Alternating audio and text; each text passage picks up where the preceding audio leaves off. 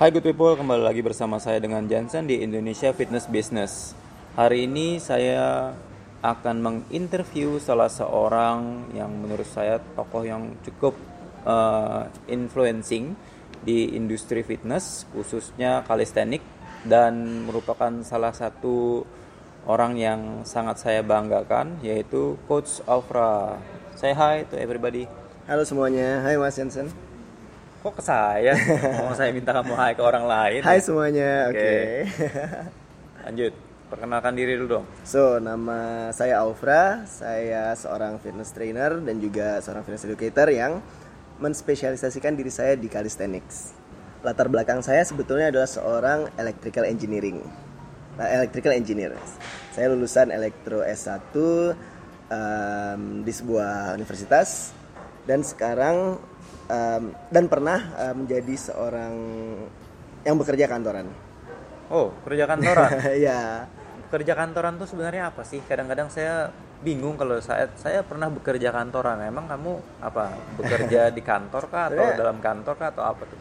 bisa bilang bekerja di kantor, bisa bisa juga di luar, tapi ada jam jam kerjanya, Mas. Dari Oh, jam gitu. 9 sampai jam 5. terus Emang jam kalau 8. coach itu nggak ada jam kerjanya. itu suka-suka kita sebenarnya. Sembarangan kamu. Kalau instruktur di lapangan tetap aja masuknya Ada seperti juga jam ya. kantor juga. Jadi jangan bilang jam kantoran. Oke. Eh, Mungkin ya ini kali eh, bekerja di bidang yang tidak berhubungan dengan fitness lebih Oke, tepatnya. saya pernah bekerja yang tidak berhubungan dengan fitness dulunya. Dan So, that is eh, dulu saya pernah menjadi seorang electrical bukan electrical apa namanya ya? Hmm, kok jadi saya lupa ya saking lamanya. Wah, karena bad memories tuh biasanya dilupakan aja. Ya udah nggak apa-apa kita skip aja di situ. Oke. Nah, sebelum memperdalam calisthenics, kamu di bidang apa nih sebelumnya? Saya pernah menjadi atlet karate selama beberapa tahun. Oh, atlet karate. ya, Kyokushin lebih tepatnya. Achievementnya? Eh, saya pernah menjadi juara nasional dan juga pernah turun di kejuaraan-kejuaraan luar negeri seperti Malaysia Open dan yang terakhir adalah Asia Pasifik. Cuman kalah lawan Zain Malik. Oke. Orang Irak. Jadi itu adalah achievement. Kenapa kamu involve di karate dulunya? Awalnya sih karena coba-coba, sama seperti fitness. Awalnya saya coba-coba diajakin teman, eh taunya malah saya yang Oh, iya, keterusan. Saya. Oke, lanjut. Oke, terus em, di tahun 2016 saya akhirnya mutusin untuk resign dari kerjaan. Eh, tabungan Alasannya? pengen mengejar mimpi. Oh, apa tuh? Oh, mimpi. Oke, mimpinya dikejar. Apa tuh mimpinya tuh? Eh, passion saya adalah membantu orang melewati lewat fitness sebenarnya. Oke, oke. Lebih untuk menyehat, menye- menyehatkan orang lebih banyak lah. Karena saya juga eh, em, Tapi saat itu saya yakin ilmu kamu di bidang fitness sendiri kan masih wah belum parah mas. seberapa gitu. Tapi kok sampai memutuskan berani menyehatkan orang dengan fitness. Sebetulnya saya udah mulai Apa itu ngajar. termnya tuh? Sebetulnya saya udah mulai ngajar dari 2011. Oh, Eh, saya mulai fitness itu dari 2009. Kemudian belajar sendiri secara otodidak. Otodidak. Ah, ah, setelah 2011 saya memberanikan diri untuk ngambil murid. Awalnya dari teman-teman terdekat dulu. Hmm, Nggak usah- korban lah ya. nggak usah bayar deh, Ah, korban, bayarin makan korban. aja ya korban.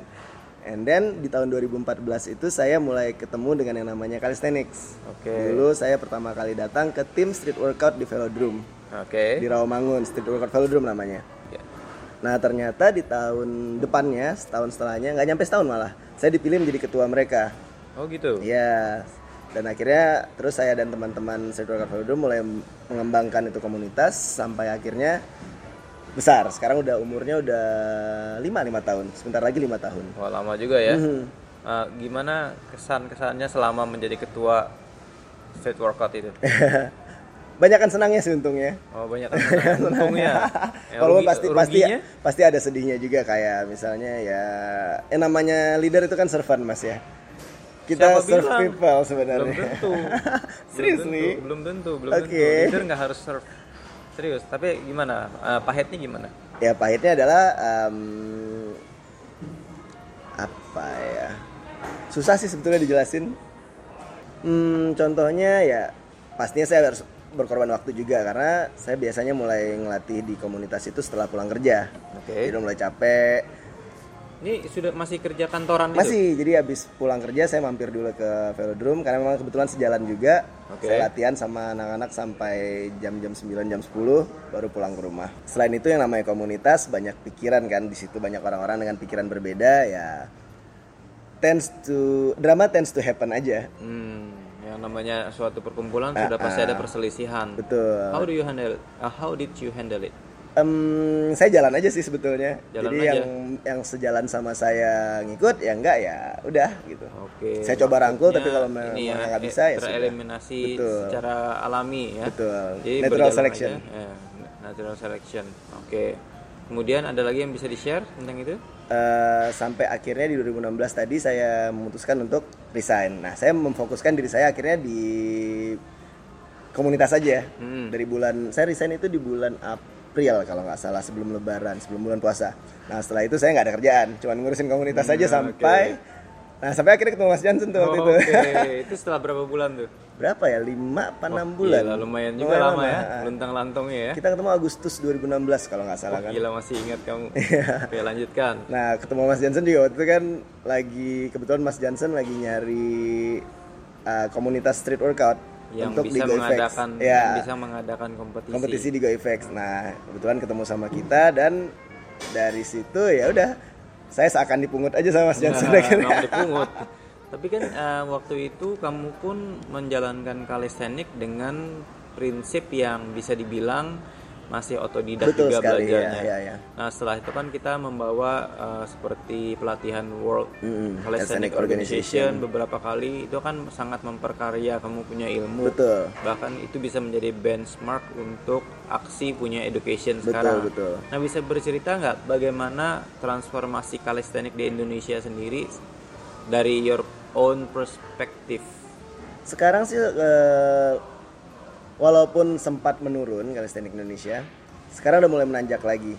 Sudah mulai dengan dengan kita sendiri membuat aksi aksi asosiasi kalistenik dan street workout Indonesia Menurun dalam artian apa nih? eh yang namanya organi- olahraga komunitas tuh ada trennya mas jadi kalau misalnya emang lagi tren yang latihan banyak cuman kalau misalnya dianggap lagi udah udah nggak keren nih ada or- olah- olahraga lain yang lebih menarik ya kita tend to decline nah karena alasan tadilah makanya akhirnya kita eh, membuat aksi saya dan teman-teman yang sevisi Nah karena itu saya saya dan teman-teman yang memang sevisi mendirikan aksi awalnya dari street workout Jakarta tadinya kita mulai dari kota kita sendiri akhirnya ternyata eh, teman-teman komunitas di luar Jakarta ngelihat bahwa oh Jakarta maju juga loh sampai kita waktu itu pertama kali hmm, kita adain itu kan bawa nama street workout Jakarta belum aksi mas Oke. Nah, setelah itu sambil kita jalanin, ternyata kita mikir kenapa nggak kita kasih, eh, kita bikin sebuah asosiasi yang sifatnya lebih nasional.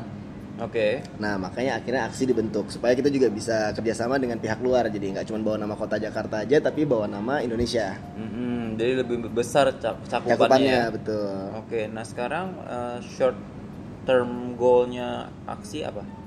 Short termnya adalah kita ingin mengadakan eh, kompetisi-kompetisi calisthenics eh, yang sifatnya regional. Oke. untuk nantinya leading to nasional dan internasional. Oke short termnya itu. Yes. Kalau dari sisi edukasi? Dari edukasi kita akan mengadakan workshop-workshop juga untuk em, mengedukasi teman-teman calisthenics bahwa sebenarnya calisthenics itu ada ilmunya loh, nggak cuma otodidak aja gitu.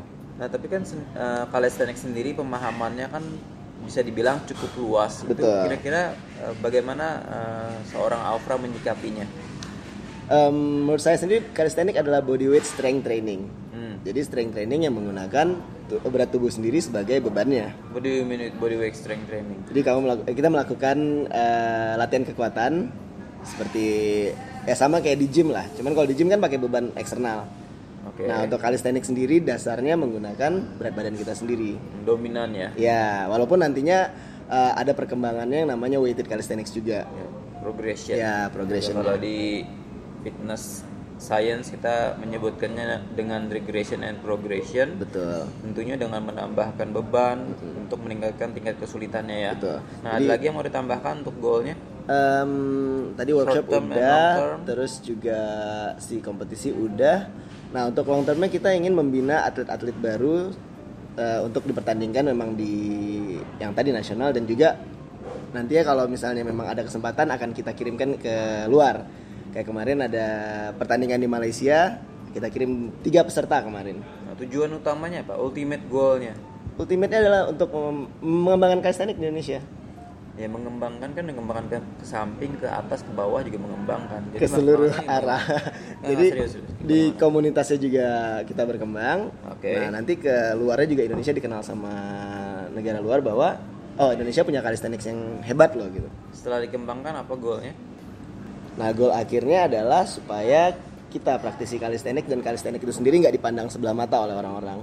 memang saat ini dipandang sebelah mata Ya karena kita latihannya di jalan banyak orang anggap ah calisthenics apa sih? Oke, menurut Alfra sendiri bisa nggak sih seseorang hidup dari calisthenics? Selama memang niat dan mau belajar, pasti ada jalannya, Mas. Saya juga bisa dibilang hidup ham- hampir hampir bisa dibilang hidup dari kalistenik. Hmm, nah, kalau memang misalnya Alfra bisa mencapai di titik itu, Mhm. kira-kira apa saran untuk teman-teman yang praktikal ya? Untuk teman-teman yang juga ingin hidup dari calisthenics. Yang paling penting adalah mau belajar. Itu nomor satu. Dan yang kedua, jangan pikirkan nyari duit dulu. Pikirkan bantu orang. Nanti juga eh, kalau kita punya value, orang yang akan datang ke kita. Nah, setelah tadi mau belajar dan memberikan value kepada orang lain, yang untuk melengkapi semua itu, kamu juga harus memiliki platform yang baik untuk berkembang. Dan itu kenapa alasan kenapa aksi kita bikin.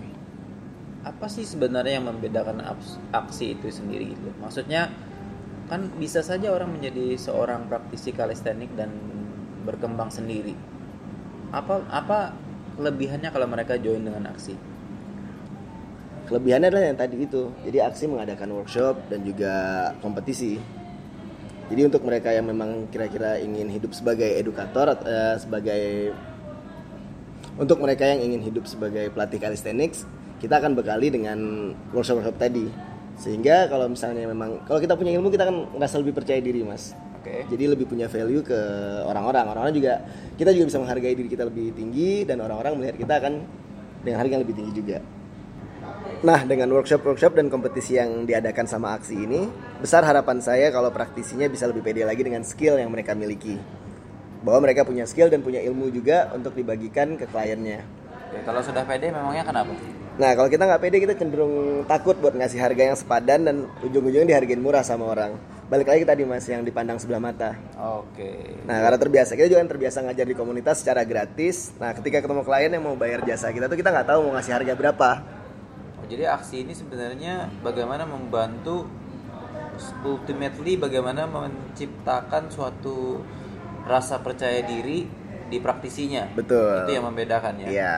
Oke, jadi kalau misalnya ikut sama aksi tidak hanya educationnya saja, tidak hanya kekeluargaannya saja, tetapi juga menjadi lebih bangga sebagai Praktisi calisthenics. calisthenics. Exactly. Wow, that's very nice. Ada lagi tambahannya? Hmm, nah, untuk teman-teman praktisi calisthenics, itu tadi alasan kenapa aksi dibentuk. Selain untuk mengembangkan calisthenics di Indonesia, eh, aksi juga berfungsi sebagai platform untuk teman-teman supaya bisa berkembang secara pribadi. Jadi kalau memang nanti ada teman-teman yang akhirnya memutuskan untuk istilahnya tuh terjun dan mau nyoba hidup dari calisthenics, sini ngobrol aja bareng sama kita. Karena gimana pun juga kita-kita yang ngurusin aksi ini dulunya sama kayak teman-teman, bingung harus mulai dari mana. I see. Jadi Nah. intinya kalian siap untuk berbagi pengalaman. ya? Betul. Nah, selain itu di Calisthenics sendiri kan kita juga terbagi-bagi menjadi banyak banget komunitas di berbagai daerah, Mas. Hmm. Nah, karena itu harapan saya aksi ini bisa menyatukan semua komunitas yang ada menjadi satu. Oke. Ah, jadi andaikan nanti kita bersaing itu kita bersaingnya secara sportif di pertandingan. Jadi nggak ada sikut-sikutan lagi antar praktisinya. After all, we're in this together kan. Kalau misalnya memang Calisthenics di Indonesia itu maju, kita semua bahagia. Jadi yang saya dapatkan adalah kalis- eh, dari aksi ini itu mau membuat atau membentuk mindset bahwa nggak perlulah kita bersaing gitu ya. Betul. Kalaupun bersaing memang ya pertandingan aja. Memang Kita kasih platform untuk Ya, teman-teman bersaing. secara, secara sehat. Betul. Kan? Maksudnya kalau bisa berbagi, kompromi dan berbesar bersama-sama itu akan lebih baik. Gitu. Betul banget. Oke. Ada lagi? Itu saja sepertinya Mas Jensen. Oke, eh, terima kasih Ofra atas sharingnya hari ini dan semoga untuk seluruh praktisi kalistenik di seluruh Indonesia dapat terus berkembang dan semakin percaya diri akan Amin. Wah, sudah Mudah-mudahan. diambil. Ya, melalui- Harus, ya. melalui aksi ya, baik Amin. melalui aksi maupun tidak. yang penting adalah memiliki kepercayaan diri serta ilmu yang baik dulu sebelum kita dihargai oleh masyarakat. Betul. Oke, Ofra, uh, any last word? Hmm, Anything? Oke teman-teman, eh, itu tadi sharing yang bisa gue bagikan. Semoga kita sendiri, kita semua bisa maju bareng-bareng, nggak cuman sendiri-sendiri aja dan juga sikut-sikutan ujung-ujungnya. Karena balik lagi kayak yang tadi saya bilang, kita tuh bareng-bareng di sini. Kalau industrinya maju, kita maju bareng-bareng. Oke. Kalau untuk dari Ofra personal sendiri, your own goal. Untuk saya sendiri ya, saya juga masih perlu banyak banget belajar, apalagi tentang leadership. Karena itu mudah-mudahan kedepannya bisa menjadi leader yang lebih baik lagi. Jadi intinya aksi ini adalah platform kamu untuk belajar juga. Betul. Jadi semua punya plat eh, semua menggunakan aksi ini untuk platform mereka berkembang. Saya ter- termasuk di dalamnya. Aduh, syukur kamu bilang begini. Itu jawaban yang ingin saya dengar sebenarnya. Oke, Syukurlah. terima kasih untuk seluruh pendengar dan sampai jumpa di session berikutnya. Sampai Thank you. jumpa. Dadah.